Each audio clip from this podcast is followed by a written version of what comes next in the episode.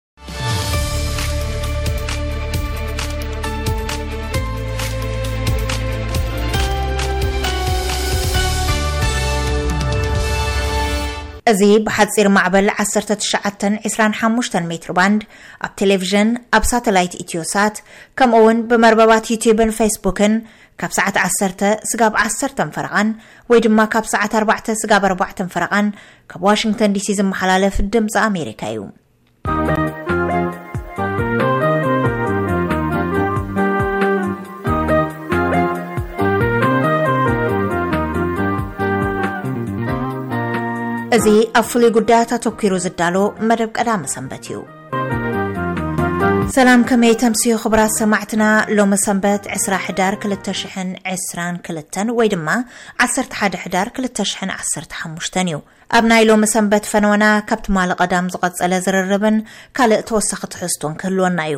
ክሳብ ፍጻመ መደብና ምሳና ክትጸንሑ ዝዕድመኩም ሳራ ፍስሃ እየ።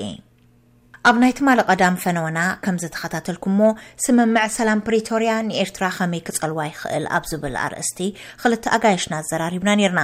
ካልኣይን መወዳእታን ናይቲ ዘተ ሎም ሰንበት ክንፍንዎ ኢና። ኣጋይሽና ተጋዳላይ ህዝባዊ ግንባር ዝነበሩ ኣብዚ እዋን ኣብ ዩኒቨርሲቲ ቶሮ ካሊፎርኒያ ዝምህሩ ዘለዉ ዶክተር ኣስፋው ተኸስተን ንነዊሕ ዓመታት ኣብ ማሕበረ ኮም ኤርትራ ብንጥፈት ክዋስኡ ዝጸንሑ ዘለዉን ኣይተ ኣልኣዛር ኣብርሃም እዮም። ዓዳሚት ምንያ ኣፍወርቂ'ያ። እቲ ዘተ ካብቲ ዘቋረጾ ቁሩብ ምልስ ኢሉ ይጅምር።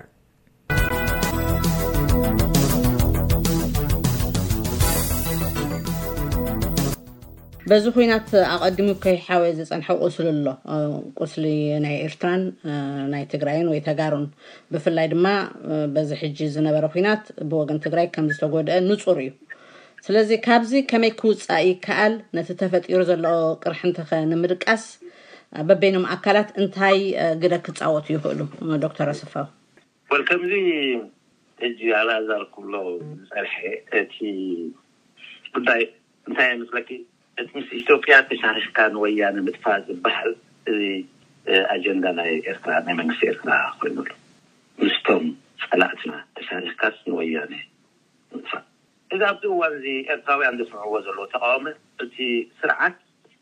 ሓደ ካብቲ ዘፍርሆ ውዱብ ዝኾነ ተቓውሞ ከየጋጥም ኣብ ውሽጢ ኤርትራ እዩ። እዚኣ ንምግባር ከኣ ዕለቱ ኣብ ታሰድያ ኮፍ ምባል ናይ ምንዋሕ ዘለዎ ሕሉፍ ህርፋን ከምዚኣ ገይሩ ንህዝቢ ኤርትራ ክንደይ ይዛረብ ክንደይ ይእከብ ክንደይ ይጽሕፍ ብዝኾነ ኹን ሰብ ብጭቕ ዝበለ ኣብ ሰብ ዘይፈልጦ ቦታታት ወሲድካ እናኣሰርካ እናሞቋሕካ ማለት ኤርትራ ከም ኤርትራ ሃገር ሓዊ ኮይናስ ከም እሳተ ጎመራ ደቃ ትተፍስ ኣብ ዓለም የለን እቲ ዝበዝሐ ረፊጂ ዘለዋ ሃገር ኣብ ዓለም በቲ ብዝሒ ህዝቢ ክተዋድኦ ከለካ ወላ እተን ኣብ ኩናት ዘለዋ ከማን ከምዚ ናይ ኤርትራ ስደተኛታት የብላን ስለምንታይ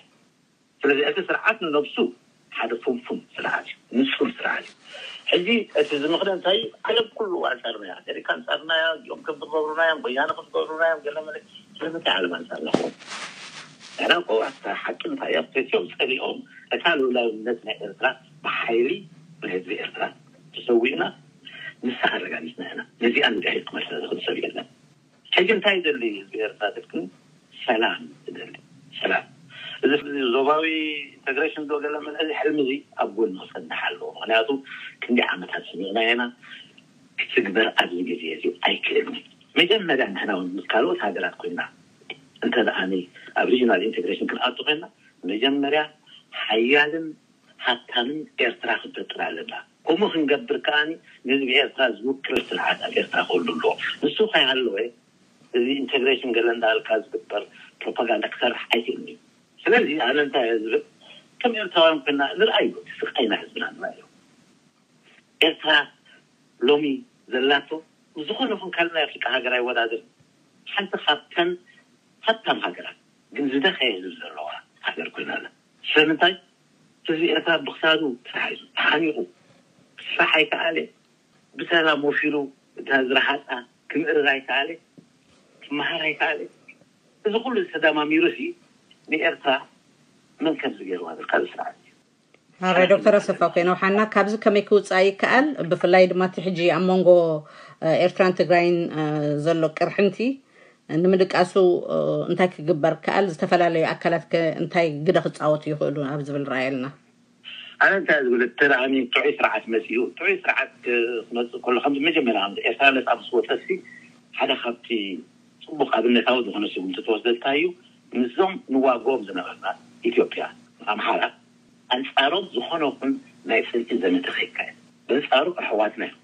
እቲ ዝበደለና እቲ ስርዓት ደኣ እምበር እቲ ህዝቢ ኣይኮነን።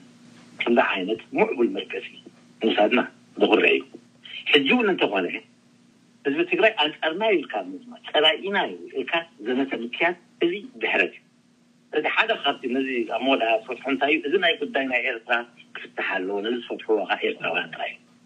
ብኻልኦት ሰባት እንድሕር ተፈቲሑ ንረብሓ ኤርትራ ኣይክኸውንን እዩ። ንሕና ግን ባዕልና ክትፈትሖ ክንክእል ኣለና ንዓና ዝወክል ስርዓት ኣብ ምቛም ኩላህና ክንርገስ ኣለና እዚኣ ዩ ከኣ እዚ ዘሎ ሕጂ መንግስቲ ዘይቅበላ ሰላሳን ሓደን ዓመት ሓኒቑ ሒዙ ዝወረድ ዘሎ ስርዓት ከምኡ ኢሉ ክቕጽል ከኣ ስለ ዝደሊ ሕጂ ንሕና ነዚ ይኣክል ክንብል ኣለና ኣኺሉ ዩ እዚ ስለዚ ኣነ ዝረኣየኒ እንታይ ዩ እንተ ከኣሊ እዚ ኣብ ሓደ ደረጃ ክበጽሕ ኪኢሉ ቁስልና ከነሕዊ እንድሕሪ ኮይና ኣብ ክንዲ እዚ ቀጻሊ ዘመተ ናይ ጽልኢ ምክያድ ዘመተ ናይ ፍቕርን ናይ ምትሕቑቓፍን ክነካይድ ኣለና ኣብ ኹሉ ሐይሎ ዜና። ሐራይ ኣቶ ኣልኣዛር ብኣኻ ወገን እዚ ከይሓወየ ዝጸንሐ ቁስሊ ናይ ኤርትራን ናይ ትግራይን ብሕልፊ ድማ ሕጂ በዚ ዳሕረዋይ ኩናት ዝተጎድአ ወገን ናይ ትግራይ ኣሎ ካብዚ ብኸመይ ክውጻእ ይከኣል ነቲ ተፈጢሩ ዘሎ ቅርሕንቲ ንምድቃሱኸ እንታይ ክግበር ይከኣል? በበይኖም ኣካላት ከ እንታይ ግደ ክጻወቱ ይኽእሉ? Thank you እቲ ስለምንታይ እየን እዘን ሃገራት ኣንጻር ኤርትራ ኮይነን ንዝብል ኣብ መእተዊ ዘረብኡ ዶክተር ኣሰፋው ባዕሉ ገሊጽዎ። ጆን ፎስተር ዳላስ ስለምንታይ ኣንጻር ኤርትራ ውሳኔ ክሓልፍ ወሲኑ? ስለምንታይ ኣሜሪካ ምስ ኢትዮጵያ ተሻሪኻ? ስለምንታይ ኢትዮጵያ ኣንጻር ኤርትራ ኢትዮ ኤርትራ ንኽትገዝእ ዝኹሉ ዓመታት ኣብ ኣፍሪቃ ዘለዋ መንግስታትን ኣብ ኤውሮጳ ዘለዋ ኣብ ኣመሪካ ዘለዋ ሃጋረት ሽርክነት ወሲዳ ኣንጻር ኤርትራ ኣኽቲታተን እዚ ህልኹ ናይ ፖለቲካ ክንጅምር ኣይኮናን ሕጂ ስለምንታይ ኣንጻር ኤርትራ ኮይነን ዘናግራ ስለምንታይ የመን ውግእ ጀሚራ ኣብ ሓንሽት ስለምንታይ ሱዳን ምስ የመንን ኢትዮጵያን ተሻሪኻ ዶክተር ኣስፋው ስለ ዘይፈልጦ ኣይኮነን እቲ ጸገም ነቶም ንኤርት ሉኡላዊ መሬት ኤርትራ ዘሚቶም ኣብ ሉኡላዊ መሬት ኤርትራ ተኾይጦም ኣብ ልዕሊ ህዝቢ ኤርትራን መንግስቲ ኤርትራን ዘሽካዕልሉ ዝነበሩ በዓል ዶክተር ኣሰፋው ከይዶም ይሕብሕብዎም ኔሮም ኣንጻር ሉኡላዊ መሬት ናይ ኤርትራ ምስቲ መሬትና ገዚኡን ገቢቱን ዘሽካዕልል ዝነበረ ስርዓት ይሻረኹ ነይሮም ክሳብ ሕጂ ከኣ ይሻረኹ ኣለዉ። ኣብቲ ሰላም ከመይ ክመጽእ ይኽእል ንዝበልክዮ ግን ምንያ ታሪኽ ናይ ዓለም እኮ ምህረና እዩ። ጃፓንን ኣሜሪካን እንታይ እየን ነይረን ኣብ ካልኣይ ውግእ ዓለም? ጀርመንን ፈረንሳን እንታይ እየን ነይረን? ጥልያንን ፈረንሳይን እዚ ኩሉ ተወዲኡ ዋላ ናይ ደቡብ ኣፍሪቃ ውሰድ ሪኮንስልየሽን ዋላ ናይ ርዋንዳ ውሰድ ሪኮንስልየሽን። ቀሊል እዩ። ቀሊል ዝኸውን ግን እንታይ እዩ? ፍትሒ ዝኣምኑ መራሕቲ፣ ሰላም ዝፈትዉ መራሕቲ ምስ ዝህልዉ፣ ከምዞም ሕጂ ኣብ ቀርኒ ኣፍሪቃ ዝረኣዩ ዘለዉ ኣብ ኢትዮጵያን ኣብ ኤርትራን፣ እዛ ጉዳይ ናይ ወያነ እንተድኣ ኣብቂዓ ጉዳይ ሰላም ክመጽእ እዩ። እዚ ፖዘቲቭ ኣቲቱድ ወይ ፖዘቲቭ ንምርኣይ ዘይኮነስ ብክውንነት ንዛረበብ ዘሎና እዩ። ውግእ ዝደልዮ የለን። በቲ ኣንጻር ህዝቢ ትግራይ መደረ ምዝራብ ቅኑዕ ኣይኮነን ትብሎ ኣንጻር ህዝቢ ትግራይ ዝተዛረበ ኤርትራዊ ኣይፈልጥን እየ ኣነ። መንግስቲ ኤርትራ ኣንጻር ህዝቢ ትግራይ ተዛሪቡ ኣይፈልጥን። ኣንጻር ህዝቢ ኢትዮጵያ ተዛሪቡ ኣይፈልጥን። እቲ ዝብሎ ይብሎ እዩ ንህዝቢ ንመንግስቲ ኤርትራ ግን ከምኡ ጌርካ ክትከሶ ፍጹም ዕድል የለን ስለዚ ብኸመይ ክመጽእ ይኽእል እዛ ጉዳይ ናይ ወያነ ብደገፍ ናይ ምዕራባውያን ሓይልታት ንቀርኒ ኣፍሪቃ ዝርብሾ ዘሎ ዝህውኾ ዘሎ እንተ ኣኣብቂዓ እቲ ሰላም ከመይ ክመጽእ ይኽእል ይከኣል እዩ። ሪኮንሲልየሽን ፕሮሰስ ዝበሃል ነገር ኣሎ። ተሞክሮ ናይ ብዙሓት ብዙሓት ሃገራት ኣለዋ። ነቲ ዝተወጽዐ ዝያዳ ደገፍ ጌርካ፣ ነቲ ዝተበደለ ነቲ ዝተሃስየ ዝያዳ ቆላሕታ ሂብካ ኣብ ቦትኡ ተመሊሱ ናይ ሰላም ጉርብትና ንምምጻእ ተኽእሎታት ኣሎ ኢለ እየ ዝኣምን።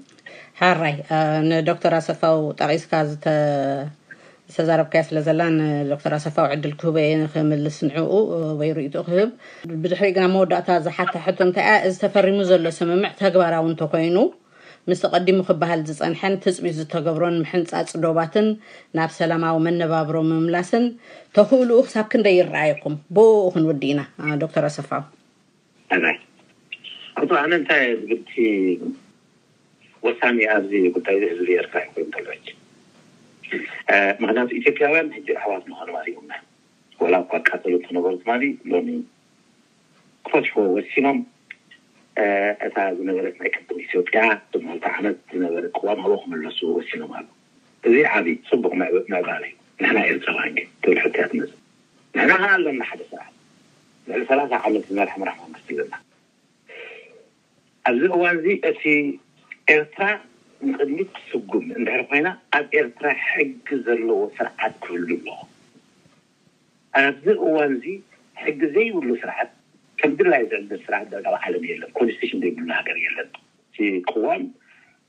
ኣብ ኣተጋባብሩ ብዙሕ ክትዛረብ ትኽእል ግን ሕጊ ዘይብሉ ሃገር የለን ብጀካ ኤርትራ ኤርትራ መጋበሪ ናይ ሓደ ሰብ ኮይና እቲ ዘሕዝን እዚ ኩሉ ዝናራኣዩ ውሕዳት ኤርትራውያን ምስ ረብሓ ዝተሓሓዘ ክኾን ይኽእል ነዚ ስርዓት እዚ ድኣ ምጥቓዕ ኣብ ቀጻሊ ጎስጓስ ተዋፊሮም ኣለዉ ከም ዝብለኪ ዝኾነ ይኹን ርኢቶ ዘቕረበ ሰብ ብዛዕባ እቲ መንግስቲ ንሃገርና ከምዚ ክኸውን ኣለዎ ዝበለ ኩሉ ከዳዕ እዩ ኩሉ ወያነ እዩ ኩሉ ዜጋ ኣይኮነን።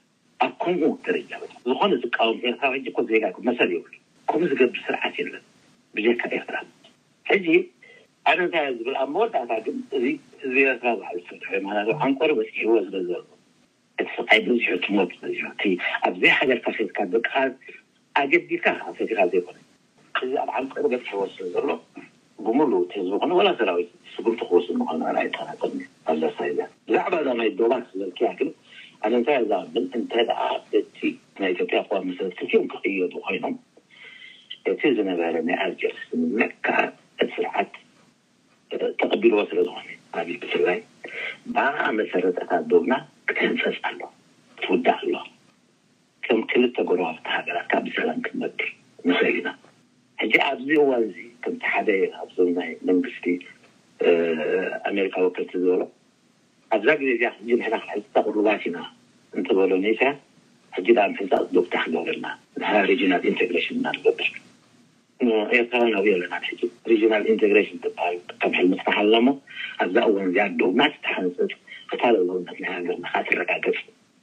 ኤርትራኻ ከም ሃገር ትማዕብል እንተሃልዩ ነዚኣ ንጽሓፍ ከም ሃገር እዚኣ ካብ ነዚ ዝገብራ ኮልኩ ንህዝቢ ኤርትራ ክገብራ እዩ ነዚኣ ናጸውብል ክገብራ እዩ ኣነ ንሱ እዩ እቲ ተስፋይ። ሐራይ ናብ ኣልኣዛር ክምለስ እየ ኣቶ ኣልኣዛር እዚ ተፈሪሙ ዘሎ ስምምዕ ተግባራዊ እንተኾይኑ እሞ ከዓ ምስ ኣቐዲሙ ክበሃል ዝፀንሐ ትፅቢት ዝተገብሮ ምሕንፃፅ ዶባትን ናብ ሰላማዊ መነባብሮ ምምላስን ተኽእልኡ ክሳብ ክንደይ ይረኣየካ ብኡ ክንውድእ ኢና ብጣዕሚ ኣወንታዊ እዩ ናተይ ርእይቶ ምንያ ምክንያቱ ገለ ክስተታት ዝረኣናዮ ዝተዓዘብናዮ ኣብ ዝሓለፈ ንድሕሪ ቁሩብ ንድሕሪት ተመሊስኪ ሪኢክዮ